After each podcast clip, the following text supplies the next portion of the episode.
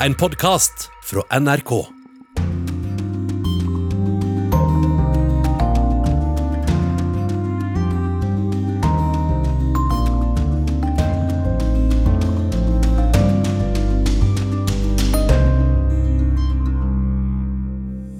Hvem tok livet av Darja Dugina i Moskva? Teoriene og ryktene er mange etter at datteren til den kjente nasjonalisten ble drept i et attentat. Russiske soldater som kommer hjem i kister, hylles som superhelter. Men historiene stemmer ikke alltid med virkeligheten. Mange av historiene er helt identiske. Akkurat det samme har skjedd. En ny etterlengtet Iran-avtale skal være rett rundt hjørnet. Men tusenvis av iranere har allerede gitt opp landet sitt. Mange drar til Tyrkia nå. And I was in a hijab when I was at the university. Jeg brukte hijab på skolen og universitetet. Det er klart at det føles godt å kaste den, sier hun. Britene rammes av hetebølgen. Men med varmen kommer også uventede gleder. Vi skal på vinfestival på den engelske landsbygda. Motetrenden under pandemien var joggebukse på hjemmekontoret, men nå vil vi pynte oss igjen, og salget av en spesiell type sko tar av. Hvilken by tror du dette er? Sør-øst i Europa, i en dal omgitt av veldig vakker natur, så ligger det en ganske liten hovedstad, men som til gjengjeld er helt stappa full av historie og kultur, på godt og på vondt. Og hvem sitt hjerte er på vei til Brasil nesten 200 år etter sitt siste slag? Det får du høre om i korrespondentbrevet. Velkommen til Urix på lørdag, der vi tar deg med ut i verden og mot verdensrommet. Her i studio, Sissel Wold.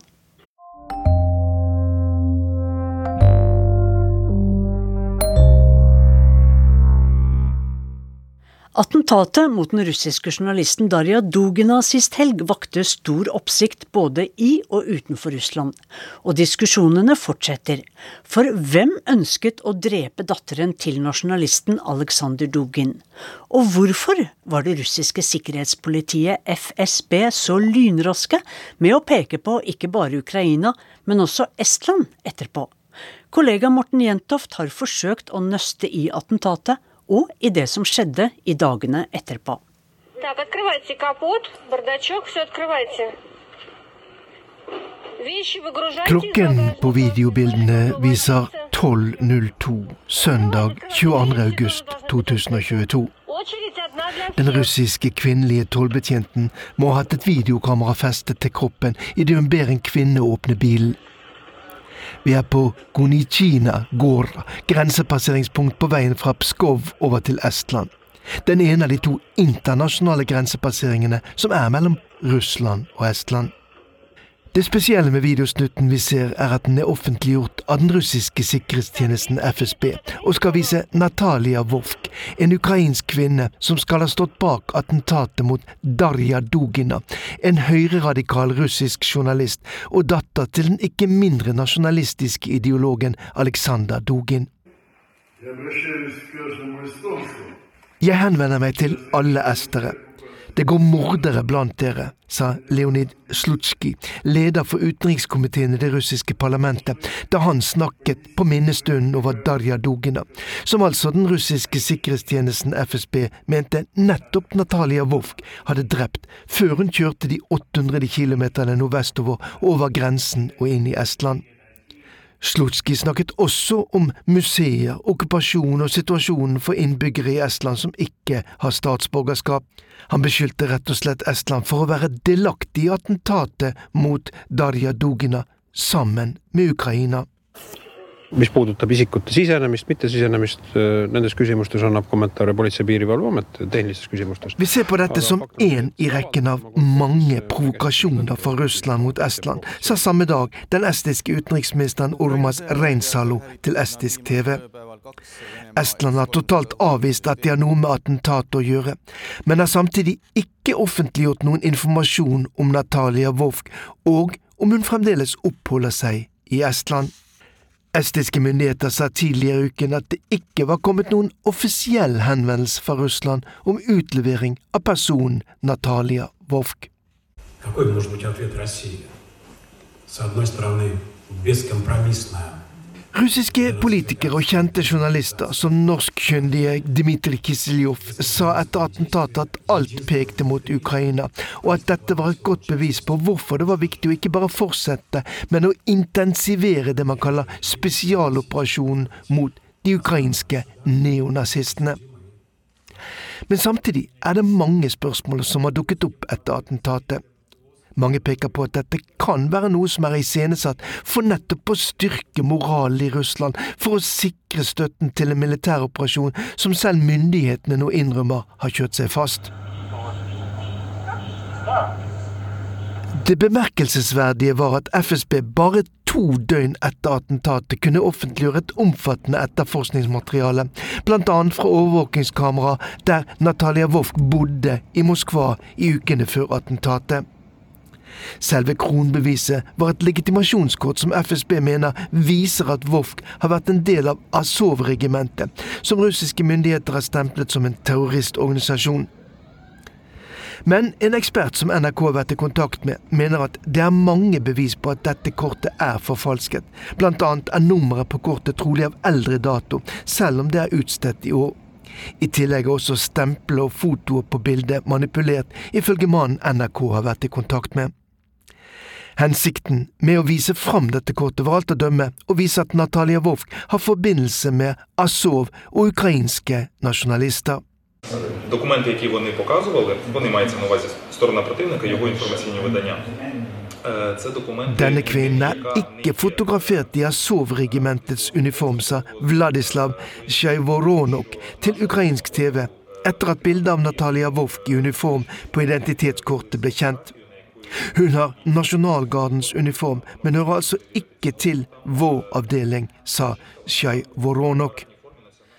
Selv om Natalia Wolf kan spores tilbake til Donbas-området øst i Ukraina og byen Mariupol, så er det også kjent at hennes mann i 2014 aktivt støttet de prorussiske separatistene i området.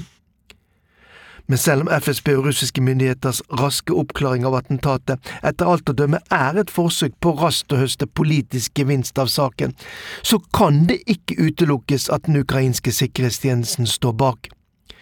Ukraina har de siste ukene vist at de er i stand til å slå til, blant annet mot mål på den okkuperte Krimhalvøyen.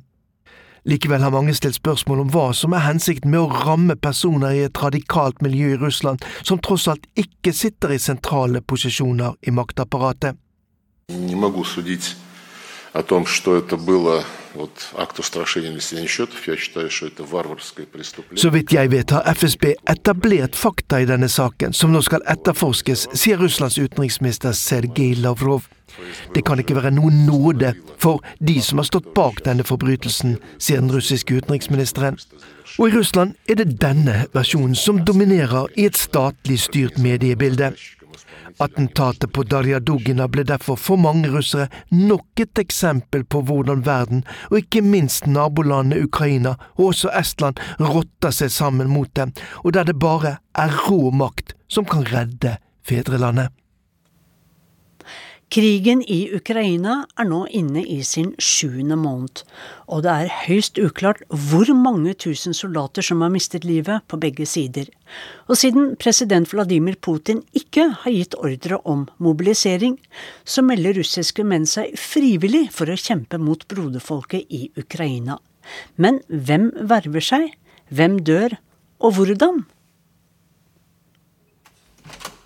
Vi er i Aftenpostens redaksjonslokaler, der avisens tidligere russlandskorrespondent Per Anders Johansen og hans kolleger skriver om russiske soldater som har dødd i Ukraina. Til nå har avisen kartlagt over 3000 menn som kom hjem i kister. Jeg spør ham om hvorfor Aftenposten har satset på denne inngangen til krigen. Men for at vi skal forstå hva som nå skjer på bakken i Russland, så er det viktig å se hvordan de håndterer disse svært høye tapene. Vi vet at uh, tusenvis av russiske soldater har blitt drept, men hva skjer når kistene kommer hjem? Og hva sier det om hvordan uh, Russland og Kreml uh, håndterer denne krigen? Og hva sies under begravelsene? Det som er Kildene våre er jo eh, lokalaviser, sosiale medier, og der dukker det opp referater fra begravelser. En typisk eh, begravelse for en russisk soldat som har mistet livet i krigen, eh, er med en, er med en liten æresgard til stede. Og så tar militærkommissæren ordet og sier at dette var en stor helt. Han ofret livet. han han sprengte seg selv i luften med en granat, eller han reddet hundrevis av, eh, av kolleger. Og de dyrkes da som, eh, som nesten en slags superhelter, som gjør som alle gode russere da forventes å gjøre, nemlig å ja, ofre livet for, eh, for Putin, Russland og, ja, og folket. Og stemmer det? det som sies i begravelsene?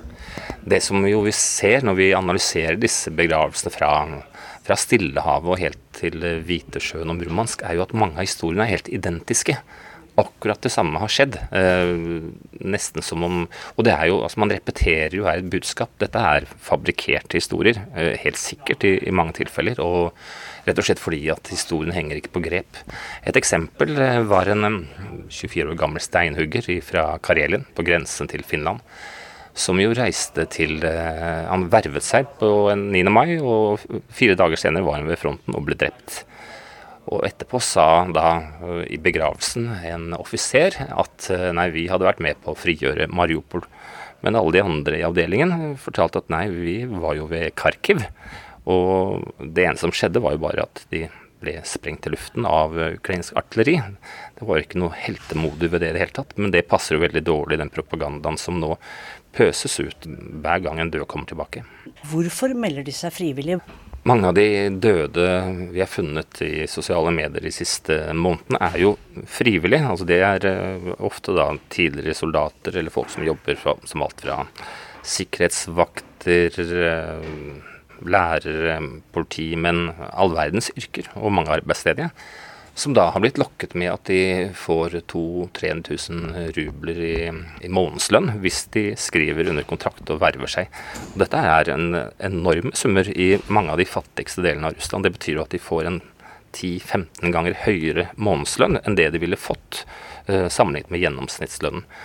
Og så er det noen av dem som nok også er patrioter, som har fått, eh, som tilhører disse patriotiske foreningene som, som Kreml har sponset i mange år, og som faktisk tror på budskapet og tror at de skal ut i en slags hellig krig mot det djevelske Vesten og, og, og redde livet. Er det en hellig ideologisk krig mot Vesten? De godt over 3000 sakene vi har gått igjennom, har jo et veldig klart fellestrekk. Og det er det at de døde soldatene, de er nå, får man da høre, de er nå i himmelen. De er eh, Det udødelige eh, regiment, som eh, var en oppfinnelse som Kreml kom på for noen år siden. Hvor, hvor man da ser for seg at de døde soldatene sitter i himmelen ved siden av de andre heltene etter å ha ofret seg. Så det er et veldig sterkt religiøst budskap i, i bunn, som bygger opp om at dette her er en slags sivilisasjonskrig. At det er nærmest en slags apokalyptisk konflikt som, som russerne må inn i. Det er jo det som er budskapet. Men om russere flest tror på det, og soldatene selv egentlig tror på det, eh, det er et helt annet spørsmål. Og mange av soldatene som drar, som sendes, er muslimer? Eh, vi har funnet eh, svært mange døde russiske soldater som begraves i muslimske begravelser, eller kommer ifra de muslimske dominerte republikkene. Uh, og dette er jo et veldig interessant tema, fordi at hvordan kan det ha seg da at muslimske gutter velger å delta i det som er en, fremstilles som en hellig kristen krig?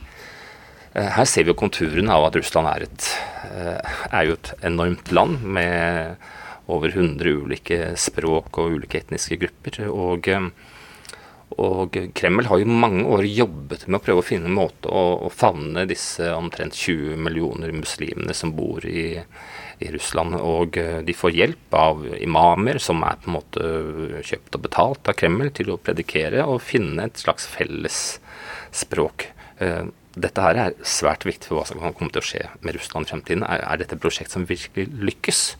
Noe av det som skremmer mange ukrainere mest, er jo de tsjetsjenske bataljonene til eh, diktatoren Ramzan Kadyrov. Eh, de sendes jo frem i en del uh, roller. Dette TikTok-soldatene som mange har lest om. De er veldig flinke til å ta bilder, fordi at De nekter å gi fra seg mobilene sine, slik andre russiske soldater må, og de er veldig opptatt av å posere.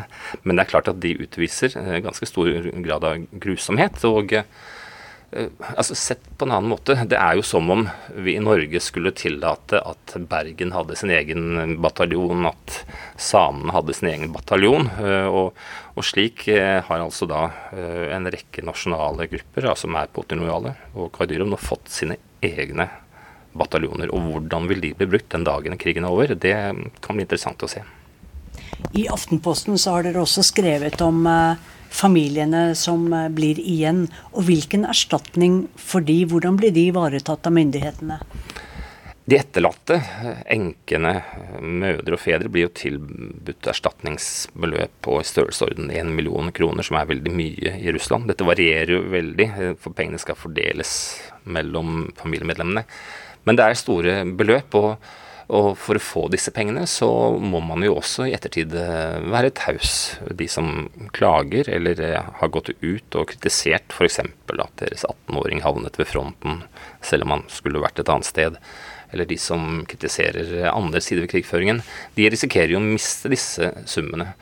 Så i noen av intervjuene så er det en del eh, mødre som har uttrykt en følelse for nesten skam over at man nærmest eh, tar imot disse pengene og lar være å stå opp for uh, barna sine. Man blir rett og slett kjøpt til taushet. Noen har jo til og med stått fram på russisk TV med disse Ladaene som de har kjøpt for, uh, for pengene de fikk for sin døde sønn. Den siste utviklingen eh, som dere skriver om, er vel at eh, flere og flere pensjonister sendes. De får eh, liten tid til å bli trent opp og de dør relativt fort. Eh, hva sier det om krigens gang? Når den russiske hæren må rekruttere over 60 år gamle soldater, som for lengst har vært pensjonert, eh, så viser jo det at Kreml sliter med å erstatte de døde. En, I en normal hær, uh, en hvilken som helst hær i hele verden, så ville det å ta inn 65-62 år gamle soldater være uakseptabelt. Uh, men uh, det må man altså gjøre. Det er tegn på at eh, de sliter med å opprettholde denne frivillige aksjonen som skulle da fylle hullene. Og eh, bak ligger jo spørsmålet om Russland på et eller annet tidspunkt er nødt til å foreta en delvis eller hel mobilisering for å rett og slett ha nok soldater. Det sa Per Anders Johansen, journalist i Aftenposten.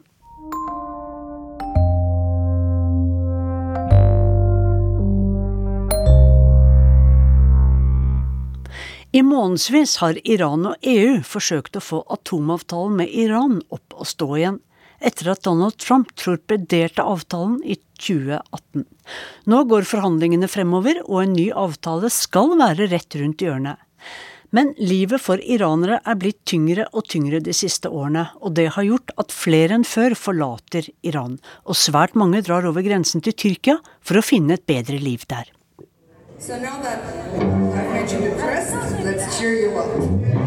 Stemningen i kjellerlokalet stiger noen hakk.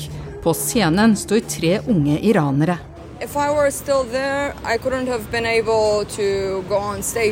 Hadde jeg fortsatt vært der, kunne jeg ikke stått på scenen, sier vokalisten, som forlot Iran for halvannet år siden for å leve ut musikkdrømmen. I would do anything for that to go on stages and to be able to sing. Bydelen Kadikøy i Istanbul syder av liv og lettkledde ungdommer. Mange av dem er iranere, for hit kan de reise uten visum. 29-åringen har hår i en hestehale og er kledd i en T-skjorte og bukser, og nyter kontrastene til livet hun levde i Teheran. I was with a hijab when I was at school, and I was in a hijab when I was at the university. Jeg brukte hijab på skolen og universitetet. Det er klart at det føles godt å kaste den, sier hun.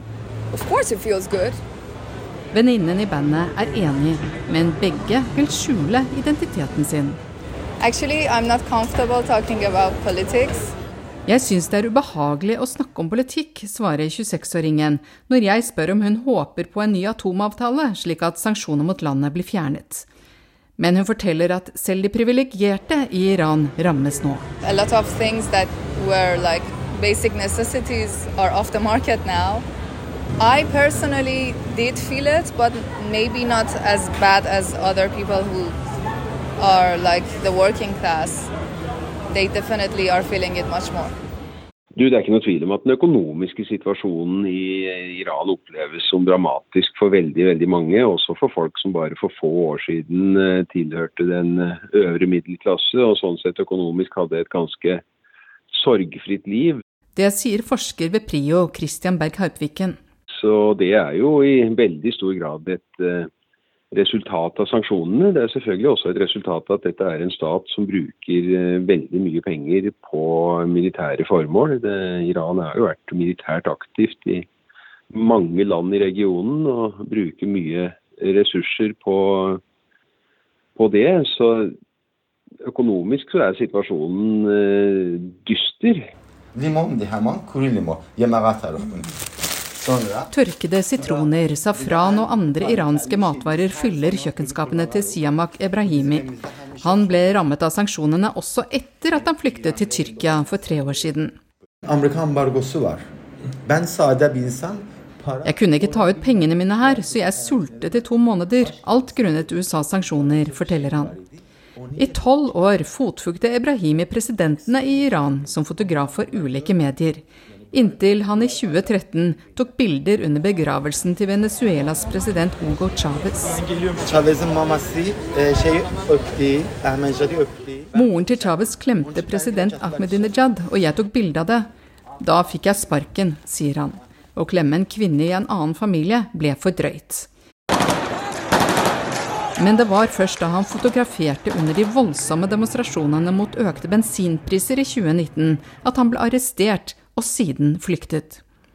Han tror ikke det blir bedre i Iran, selv om forslaget som nå ligger på bordet om en ny avtale, blir signert.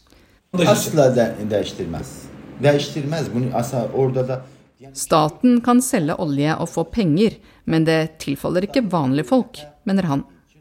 Men mye tyder jo på at det forslaget som ligger der nå, at uh, ingen av partene er villig til å strekke seg særlig mye lenger. Så man bør iallfall nærme, seg, nærme seg en avtale nå. Får vi ikke signaler om det, så syns jeg nok dette ser ganske mørkt ut.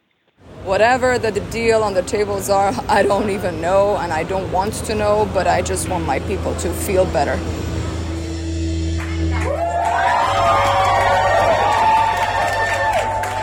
Korrespondent Åse Marit Befring rapporterte fra Istanbul. Ved kysten av den amerikanske delstaten Florida står noe av det dyreste amerikanerne noensinne har bygget. Det er den nye raketten til NASAs nye måneprogram Artemis. Og på mandag skal den, etter planen, sendes av gårde til månen. Og det ville mest sannsynlig ikke ha skjedd uten hjelp fra en gruppe politikere som er på jakt etter valgflesk. Only together, this mighty system represents all that is possible. Med feiende flott video forteller NASA om det store som skal skje. Gigantraketten, den nye måneraketten, arvtakeren etter majestetiske Saturn 5, selveste SLS, Space Launch System, eller som mange kaller den, Senate Launch System, skal endelig endelig opp, bare seks år etter planen.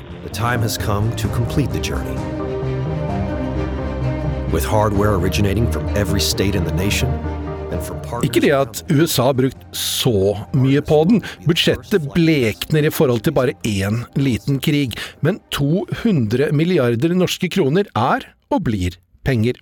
Og pengene vil fortsette å komme. Omtrent 40 milliarder kroner per oppskytning. Og det er mange amerikanske politikere fornøyd med. Congress, and by Congress I mean a few key legislators from Alabama um, and, and other states like that. Senioren i amerikansk romfartspresse, Erik Berger, er hard i klypa når han gjester podkasten Off Nominal. Det er noen få innflytelsesrike medlemmer av Kongressen, sier Berger, fra delstater som Alabama og Florida, som har presset på for ikke bare å få den nye raketten bygd, til tross for hard motstand fra andre president Barack Obama, men for å sørge for at raketten skal utvikles videre i årene som kommer, slik at arbeidsplassene i deres hjemstater opprettholdes. About a minute into the to the flight, uh, we'll experience our maximum dynamic pressure, and so the uh, the four core stage engines. Will... En som får lønn pga. raketten, er han som skal lede gjengen som skyter den opp. Judd Freeling forteller om oppskytningen fra Florida, om de få minuttene raketten er i drift før den faller ned som skrap i havet om avfyringen av det øvre trinnet, slik at romskipet Orion skal komme inn i bane rundt månen, før den vender nesen hjemover. Altså, dette er ikke turen der amerikanerne vender tilbake til månen, for det er ikke mennesker med denne gangen, og de skal ikke lande, det blir kanskje om fire år eller noe slikt. Og den kommende landingen er det Elon Musk som står for. And this is not like, and En annen profilert romfartsreporter, Scott Manley, snakker om det som har skjedd. At Elon Musk sitt selskap SpaceX har blitt pekt ut til å gjennomføre selve landingen på månen. For det var ikke penger nok til at selskaper som Lockheed Martin og Northrop Grumman kunne få kontrakten om å utvikle en lander. SpaceX tilbød sin nye farkost Starship til å fylle den rollen. Astronautene skal dra til månen med den nye raketten, men før landing skal det flytte over til Starship. Det blir ikke Kongressen glad for, sier Mandley. I, I high confidence that the first flight will work. I think there's a good chance that it does not reach orbit. Elon Musk forteller om det første oppskytningsforsøket til romfartøyet Starship. Han er ikke sikker på at det vil gå bra. Men for SpaceX spiller det liten rolle, sier Musk. For mens NASA har brukt ti pluss år på å få til den nye romraketten, så foregår det serieproduksjon flere i året av Starship. De profilerte romfartsreporterne er villige til å vedde på at raketten SLS får noen turer, og så er det Starship, og kanskje også Jeff Bezos sin New Glenn, som kommer til å dominere. Halvard Sandberg tok oss med ut i rommet. Hetebølger og varmerekorder har preget Europa i sommer. Heten rammer også så langt nord som i Storbritannia. Og selv om britene bekymrer seg over klimaendringene, kommer den også med noen nye gleder. Korrespondent Gry Blekastad Almås tar oss med på en vinfestival. I'm Max, I'm And I'm Phil. Mags Rivet og Philip Humphries er på vei ut av vinsmakingsteltet. Med et stetteglass i én hånd og mikrofonen i den andre er nærradiojournalistene travelt opptatt med å dekke vinfestivalen Fizzfest i Hampshire sørvest for London. Strawberries and cream in a glass, it's gorgeous. Yeah. British champagne. Who would have thought? We can't say that. It's English sparkling wine. Du kan ikke kalle det britisk champagne, sier Phil. Det er engelskmusserende vin. Mags syns det smaker jordbær med fløte. Oh,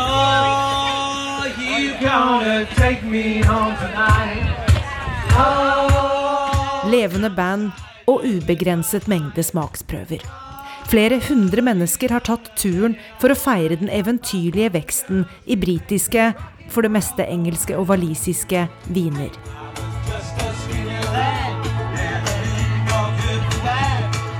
«69 vekst de siste to årene. Under en sol som har gitt britene varmerekord denne sommeren, innrømmer også vinprodusentene selv at den boblende gleden kommer med et dystert bakteppe we, you can't talk about English wine and not talk about climate and the climate change. Du kan ikke snakke om engelske viner uten å snakke om klima og klimaendringene, sier Chris Unger. Han er markedssjef for Hattingley Valley viner, og han er ikke i tvil om at den engelske vinproduksjonen har den globale oppvarmingen å takke for suksessen. Climate change is benefiting in that we can ripen grapes and we are warmer and that's good for grape growing, but we're having a lot of more unseasonal events that are making it much more complex. Klimaendringene er en fordel for modningen av druene, men ekstremvær gir oss også problemer, sier han, og forklarer at når mildværet kommer tidlig, så tidlig at også frost kan forekomme, Da går det gjerne galt med knoppingen på vinrankene.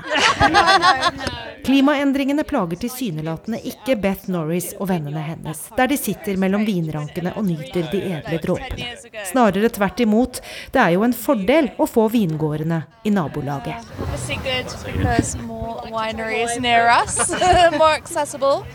It's just, yeah, it's, it's well, a bit worrying with climate change. It'll be great. To, it'll be great to well underwater. Yeah. yeah. Helt topp inntil vi er under vann, sier David Earl Natras. Men de er bekymret for forandringene, som er merkbare. Også Tamlin Deacon ville foretrukket det annerledes.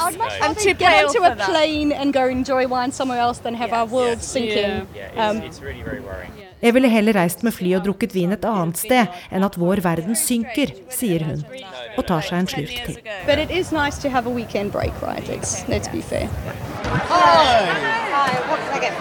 Well, I will try English sparkling wine first of all, please. Thank you. Nærradioens vinjournalister Mags og Phil er klare for påfyll. De har funnet seg en annen produsent og vil teste ut både boblene og rødvinen. Den sistnevnte overbeviser ikke helt.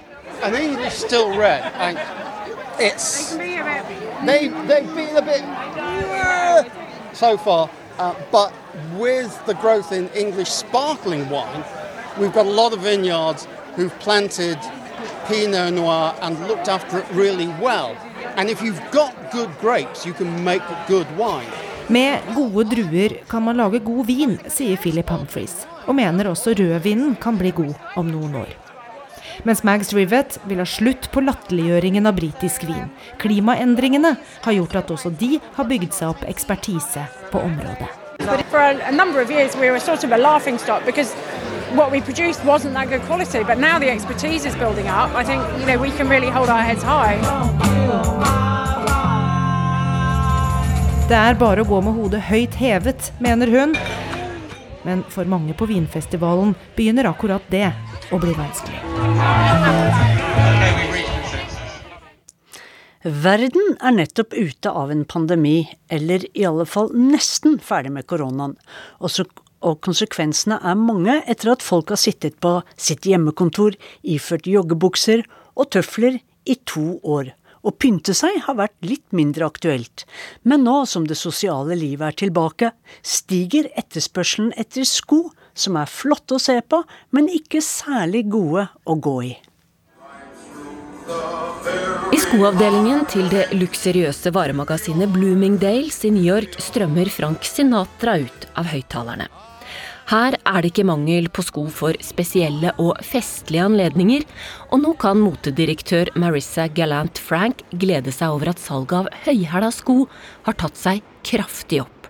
We have seen an uptick in demand for high heels with our customer. She is excited to go back to the office. She's excited to go to that first social event again. So high heels are definitely on the top of her shopping list. Vi har sett en økning i etterspørselen etter høye hæler, sier direktøren. Varemagasinets kvinnelige mønsterkunde har nå høyhæla sko på toppen av sin handleliste. For disse kvinnene har gleda seg til å komme tilbake til kontoret og igjen gå på fest, sier hun. Ute på gata i New York treffer nyhetsbyrået Reuters flere kvinner som har kjent på savnet etter å gå i høyhæla sko. Da pandemien slo til i 2020, forsvant mange av anledningene der man kunne pynte seg.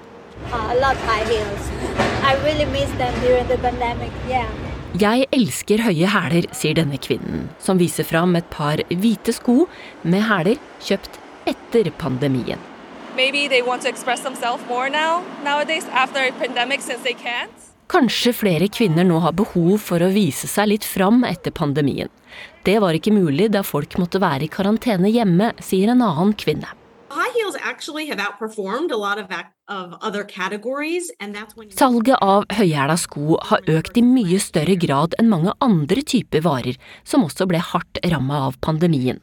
Det sier Beth Goldstein. Hun følger med på det amerikanske skomarkedet for analyseselskapet NPD Group.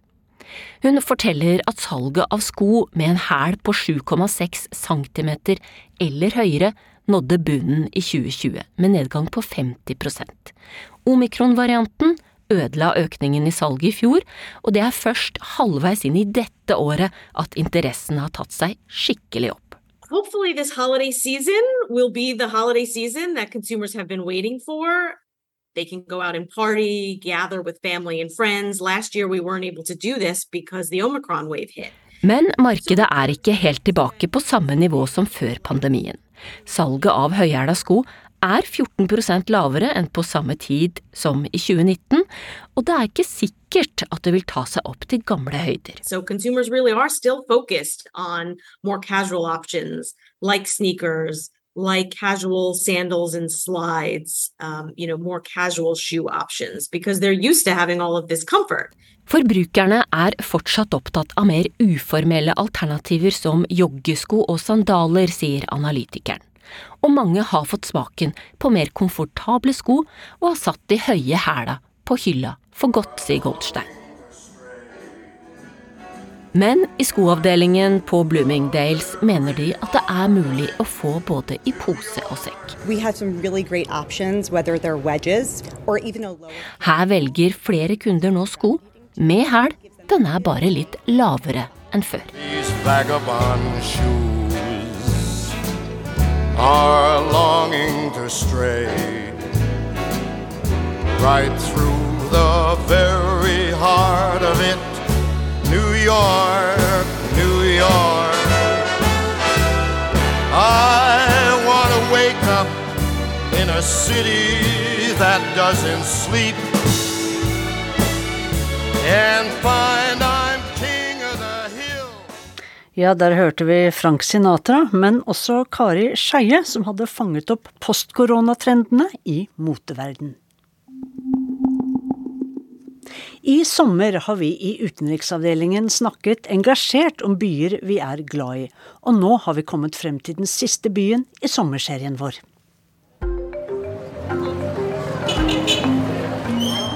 Sør-øst i Europa, i en dal omgitt av veldig vakker natur, så ligger det en ganske liten hovedstad, men som til gjengjeld er helt stappa full av historie og kultur, på godt og på vondt. Jeg heter Milana Knesjic. Jeg er eh, journalist i NRK Nyheter. Hvilken by er det du snakker om? Jeg har valgt Sarajevo. Hvorfor det? Altså, nå er jo ikke jeg helt objektiv her, for eh, jeg ble født i Sarajevo. Så det er litt sånn her, det er jo på en måte min opprinnelige hjemby. Men eh, nå har jo jeg jeg har jo bodd store deler av livet i Norge, så jeg er jo litt sånn nesten litt turist i Sarajevo selv. Så jeg har ikke liksom kredden til en ekte Sarajevo-borger. Jeg er bare veldig veldig glad i byen og hyper den opp så ofte jeg kan. Og hva er ditt første minne fra Sarajevo? I og med at jeg ble født der, så var liksom mitt første møte med verden var jo mitt første møte med Sarajevo. Um, og jeg bodde der jo ikke så lenge, for at uh, vi flykta, mamma og jeg flykta fra Sarajevo da jeg var bare ett år gammel. Men jeg har jo liksom sett eh, bilder og videoer av at jeg liksom har farta rundt i Sarajevo som baby med mamma og pappa og fettere og tanter, liksom. Og pappa har liksom tatt videoer av at vi var og sto på ski, eh, jeg og mamma, og jeg liksom suste ned skibakken eh, som ettåring i veldig kledd i veldig sånn 90-tallsantrekk, liksom. Så er jeg på en måte Jeg var jo så liten at jeg husker ikke det, men det er samtidig så er det jo på en måte den, den delen av liksom mitt første møte med verden var jo der. Milana Knesevic, eh, jeg er veldig glad for at vi kan snakke om Sarajevo, for jeg besøkte denne byen for et par år tilbake og tenkte hvor mye historie det finnes der. Og Sarajevo ble også kalt Europas eh, Jerusalem. Hvorfor det? Altså, Sarajevo har jo en historie, altså en utrolig multikulturell eh, historie. I lang tid så har jo folk av masse forskjellige bakgrunner og religioner bodd der side om side.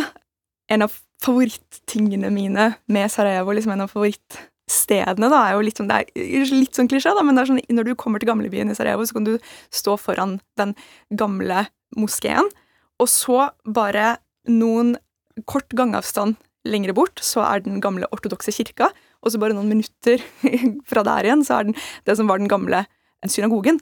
Og du kan liksom være i Sarajevo og høre liksom kirkeklokker og bønnerop nærmest om en annen, liksom. Så det er på en måte for meg så det liksom, representerer det liksom Sarajevo på sitt beste, da. Men Sarajevo har jo også vært gjennom en uh, tung tid, en lang beleiring, krig. Hvordan er det der nå? Det er jo ikke å komme unna det at krigen i, i, Bosnia har jo satt sitt preg på hele landet, og også, også på Sarajevo. Og ja, det var en veldig lang beleiring, nesten fire år, ikke sant, og mange led stort på den tiden, og det gjorde byen også. Eh, nå vil jeg jo si liksom at byen har kommet seg et stykke videre etter det, og ting har jo blitt mye bedre på de, på de årene som, som, har gått siden krigen, definitivt, ikke sant, og så er det denne der balansegangen, tror jeg, med å liksom det her var en grusom ting som skjedde med byen, så vi må ikke glemme det. ikke sant? Så da har man eksempel museer i Sarajevo, museer om barndom under krigen. Ikke sant? Ikke, ikke glemme disse vonde tingene som har skjedd, men samtidig ikke la seg definere ene og alene med de vonde tingene som har skjedd med byen. Folk i Sarajevo er veldig stolt av byen sin og veldig glad i byen sin og vil vise den frem og si at ok, ja, denne vonde tingen skjedde, men det er ikke bare det, vi har så mye annet å by på også. Og hva slags musikk vil du by på derfra? Jeg har jo vokst opp eh, med liksom musikken til foreldrene mine og, og, familien min, tantene mine, så er liksom kanskje litt sånn preg av liksom gamlis-musikk, ville noen kanskje si. da. Men for meg så er den ultimate Sarajevo-låta er Sarajevo Ljubovimoja av Kemal Monteno. Betyr eh, Sarajevo min kjærlighet, og det er virkelig en sånn hyllest til Sarajevo. Hver gang jeg hører den sangen, så tenker jeg sånn åh, jeg har lyst til å være tilbake i Sarajevo igjen nå.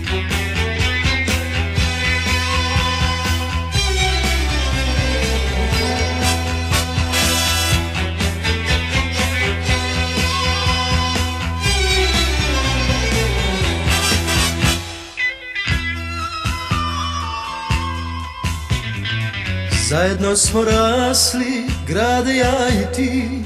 Isto plavo nebo poklonilo nam stih. Iz potrebe vića smo sne. Ko će brže rasti, ko će ljepši biti. Ti si bio velik, a rodio se ja. Sigmana uz osmijeh, slao si mi san. Dječak koji raste, zavolio te je ovdje vezan za svoj grad Bilo gdje da krenem, o tebi sanjam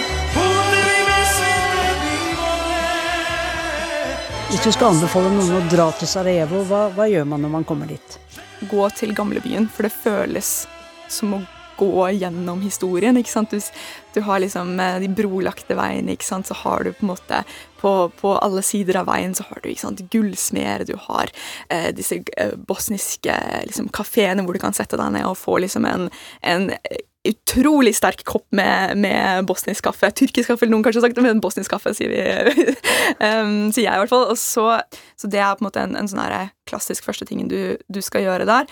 Og så for meg så er det, når du kommer til Sarajevo, så er det noe med liksom at det er så mye natur rundt Sarajevo også. Så eh, eh, rett utafor Sarajevo så er det et sånn naturområde som heter Vrela Bosna, som du kan dra Som eh, Sarajevo-borgere har dratt til i alle tider for å få litt sånn fri fra liksom byens kjas og mas. Komme ut til naturen. Du kan liksom hest og kjerre der, det er restauranter der du kan gå, det er masse vann, fisk. Det er helt nydelig, liksom. Så da får du på en måte både byfølelsen, men også den vakre naturen. Og når du snakker om gamlebyen, så er den faktisk fra det osmanske riket, da tyrkerne herjet rundt omkring. Ja, ikke sant. Det, er liksom, eh, det har jo en så stor og lang historie, ikke sant. Og det har både liksom det osmanske riket og Østerrike-Ungarn, ikke sant. Alle disse, og du ser på en måte liksom i arkitekturen så ser du påminnelser av liksom historien til byen overalt hvor du ser. Og skuddene i Sarajevo falt i Sarajevo. Ja, ikke sant. Det er jo på en måte, det må man jo snakke om når man snakker om Sarajevo. Det er faktisk, Når du drar til Sarajevo, så kan du gå til det hushjørnet hvor eh, Gavrilo Princip skøyt eh, keiseren og, og, hans kone, og du kan liksom stå der, og du kan se rett på det. Og det er liksom en plakat hvor det, hvor det, hvor det står ikke sant, 'Her skjedde dette'. For å være liksom svulstig, når du står der, så føler du virkelig sånn OK, historiens sus. Selvfølgelig, Det var jo mange veldig komplekse grunner til at første verdenskrig brøt ut, og det er litt sånn her, hvis ikke det hadde vært skuddene, så hadde det vært noe annet. Men nå var det nå en gang denne tingen som på en måte blir husket, da. Hva spiser man i Sarajevo? For meg så er det liksom Det er de to tingene. Det er cevapi og pita. Og det er sånn, jeg er, det må jeg innrømme, jeg er vegetarianer, jeg spiser ikke kjøtt.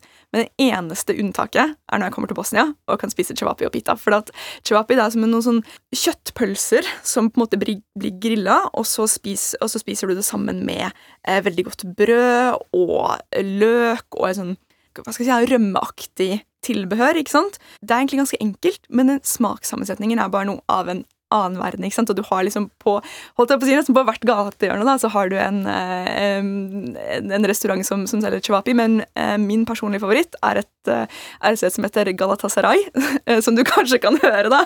Så Det er faktisk en, en tidligere fotballspiller som har starta denne, denne, restauranten, og du kommer inn der, og liksom på veggene så henger det overalt alle liksom kjendisene, nasjonale, regionale, lokalkjendiser som har vært innom, som har tatt han i hånda, henger bilder på alle veggene, og liksom Eh, effekter fra fotballklubbene som han har, som han har spilt for. da, og jeg synes, Hvis du spør noen andre, så, kan de kanskje, så sier de sikkert at de har en annen favoritt, men det er i hvert fall min. Det er mitt tips. Sarajevo er en ganske liten by, men hvis det er noe du tenker eh, er litt uh, vanskelig eller plagsomt, eller uh, som du ikke liker der, da? Jeg tror, jeg tror, det har blitt litt bedre, men første gangen jeg var i Sarajevo, som jeg kan huske i hvert fall som sånn tolvåring, trafikken. Det var liksom Da jeg, kom dit fra Norge, hvor ting går liksom ganske Selv på 90-tallet gikk ganske sånn rolig og ordentlig for seg. ikke sant? Hopper inn i en taxi, det var ikke det var nærmest, igjen På den tiden det har sikkert forandret seg, var nærmest ikke liksom setebelter i baksetet, og taxisjåførene suste gjennom byen i en superfart, og jeg var sånn der bare Oh my gosh, er dette her mulig, liksom? Eh, så det var liksom sånn der det er en sånn klassisk ting som man i hvert fall må, må bli litt, kanskje bli litt vant til. når man, men jeg tror, jeg tror, faktisk det har blitt bedre. Eh, ja. Hvilken annen musikk er det du vil trekke frem? En nyere låt, en mer moderne låt fra i dag sant, som, beskriver, som, beskriver, Sarajevo. Så eh, snakket jeg med noen familie som, som tipset om eh, et band som heter Helem Nace, som har da en, en, sang som fra noen år siden som ble veldig populær. Eh, det er da et hiphop-band, eh, og den sangen handler da eh, litt sånn der Romeo og Julie, nesten, forhold om to unge folk med forskjellige bakgrunner som møtes i Sarajevo og kan liksom leve ut sin kjærlighet i, i Sarajevo. Som jeg, jeg, nevnte, dette her med liksom at Sarajevo på sitt beste er liksom dette her med at folk av forskjellige bakgrunner lever sammen side om side.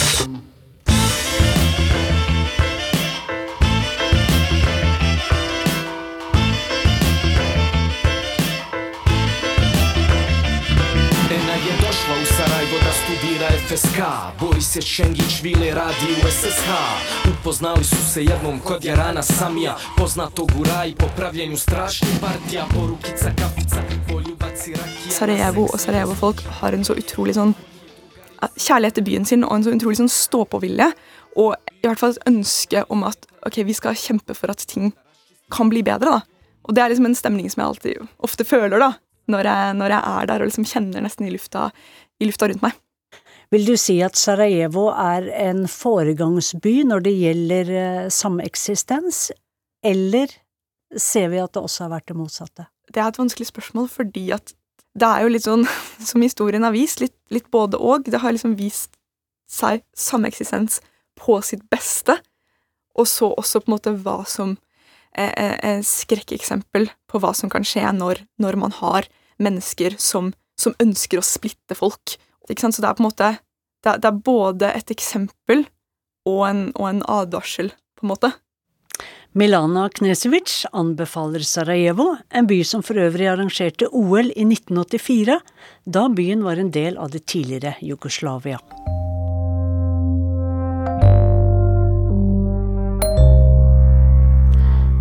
Et enslig hjerte er på vei til Brasil, og ikke et hvilket som helst hjerte, det kan Arnt Stefansen fortelle mer om i ukens korrespondentbrev. Et hjerte har fått mye plass i nyhetsbildet her i Brasil den siste uken. Hjertets eier har av naturlige grunner ikke fått med seg dette. Han døde nemlig for 188 år siden. Pedro den første bedre kjent som Dom Pedro, var Brasils første keiser og mannen som løsrev landet fra kolonimakten Portugal. Dette skjedde i år 1822, altså for 200 år siden. Da Dom Pedro døde tolv år senere, ble hjertet hans lagt i en beholder med formalin og oppbevart i en kirke i byen Porto i Portugal. Dom Pedro var svært glad i denne byen og skrev i sitt testamente at han ønsket at hans hjerte alltid skulle være der. Men denne uken har den tidligere keiserens hjerte vært på reisefot. Det ble brakt med fly til Brasils hovedstad Brasilia, der det ble holdt en stor mottakelse med president Jair Bolsonaro i spissen. Og den 7. september, på Brasils nasjonaldag, skal relikviet stå på hedersplass når landet feirer det store jubileet. Pedro var bare ti år da den portugisiske kongefamilien måtte flykte til Brasil. Napoleons tropper hadde invadert Portugal, og kongehuset gjorde et dramatisk valg. Å styre sitt imperium fra den daværende brasilianske hovedstaden Rio de Janeiro. Den unge prinsen ble dermed halvt brasilianer, og da kongen og resten av familien etter hvert vendte tilbake til hjemlandet, ble han igjen som regent. Dette var en tid med økt frihetstrang blant brasilianerne, og Dom Pedro stilte seg i spissen for frigjøringskampen. Høsten 1822 dro han til Sao Paulo, der han samlet sine medarbeidere ved elven i Piranga og erklærte Brasil som en selvstendig stat. Ifølge tradisjonen skal prinsen ha ropt 'independencia og morte', uavhengighet eller døden. Dette er det berømte ropet ved Ipiranga som alle brasilianske unger lærer om på skolen. Det er altså mye nasjonal patos å spille på når Brasils president leder 200-årsmarkeringen på nasjonaldagen den 7. september. Og det kunne knapt ha passet ham bedre. Bare drøyt tre uker senere er det valg her i Brasil, og Jair Bolsonaro kan kunsten å spille på de patriotiske og nasjonale strengene. Mange husker med gru nasjonaldagen i fjor, da presidenten mobiliserte sine tilhengere til ekstremt aggressive demonstrasjoner. I hovedstaden Brasilia og i landets største by, Sao Paulo, bar demonstrantene plakater med krav om å stenge landets nasjonalforsamling og høyesterett. Og et av kravene under demonstrasjonen var diktatur med Bolsonaro ved makten. Presidenten var til stede under begge markeringene og sa at bare Gud kan fjerne ham fra embetet. Dermed satte han fingeren på et av de mest brennbare spørsmålene foran høstens valg. Vil Jair Bolsonaro trekke seg frivillig dersom han taper, eller kan vi risikere at han gjør som sitt store forbilde Donald Trump etter valgnederlaget i 2020? mobiliserer sine tilhengere til voldelige aksjoner i håp om å holde på makten. Spørsmålet var det første som kom på bordet da presidenten ble intervjuet av Brasils største TV-stasjon og Globo nå på mandag. Og svaret var slik. Ja, jeg vil godta resultatet hvis valget går riktig for seg. Det er ikke særlig betryggende. For Bolsonaro forbeholder seg selvsagt retten til selv å vurdere om valgresultatet er riktig og rettferdig slik Trump gjorde i USA. Og ifølge meningsmålingene ser det ikke ut til at den sittende presidenten blir gjenvalgt. Hans erkefiende Lula da Silva fra Arbeiderpartiet PT har ledet på målingene til alle de store instituttene de siste månedene, og selv om avstanden har minket noe de siste par ukene, er ledelsen fortsatt klar. Nå gir altså 200-årsjubileet den 7. september en gyllen mulighet for Jair Bolsonaro til å skaffe nye velgere. Og mange brasilianere frykter det verste. Vil han nok en gang gå til angrep på landets viktigste demokratiske institusjoner? Men eh, denne gangen har vi hørt lite til truslene som kom i forkant av fjorårets nasjonaldag. I stedet sier presidenten at han ikke ønsker å provosere, men vil legge opp til en gigantisk markering som vil vise hans store støtte i befolkningen. Et av innslagene i feiringen er altså å vise frem hjertet til landets første keiser, en idé som er blitt møtt med blandede reaksjoner. Enkelte mener det er umoralsk å bruke masse penger på å transportere klenodiet til Brasil, mens 30% av landets innbyggere lever på sultegrensen etter pandemien. Andre mener at prosjektet er en billig måte å få oppmerksomhet på foran valget. Blant sistnevnte er Isabel Lostosa, som har skrevet en biografi om Brasils første keiser. Dette er en kunstig patriotisme der hensikten er å oppnå politisk gevinst ved valget den 2. oktober, sier hun til byrået Deutsche Welle. Å stille ut hjertet til en tidligere keiser er nesten perverst. Det har ingen betydning og tjener ikke til noe som helst, sier forfatteren. Og allerede dagen etter 200-årsmarkeringen er det mye omtalte klenodie på vei med fly tilbake til Portugal. Til lettelse for menigheten der det hører hjemme, og utvilsomt også for mange brasilianere. Dermed takker Urix på lørdag for laget. Teknisk, teknisk ansvarlig var Eli Kirkjebø, produsent Marte Halsør, i studio Sissel Wold, som ønsker alle fortsatt god helg.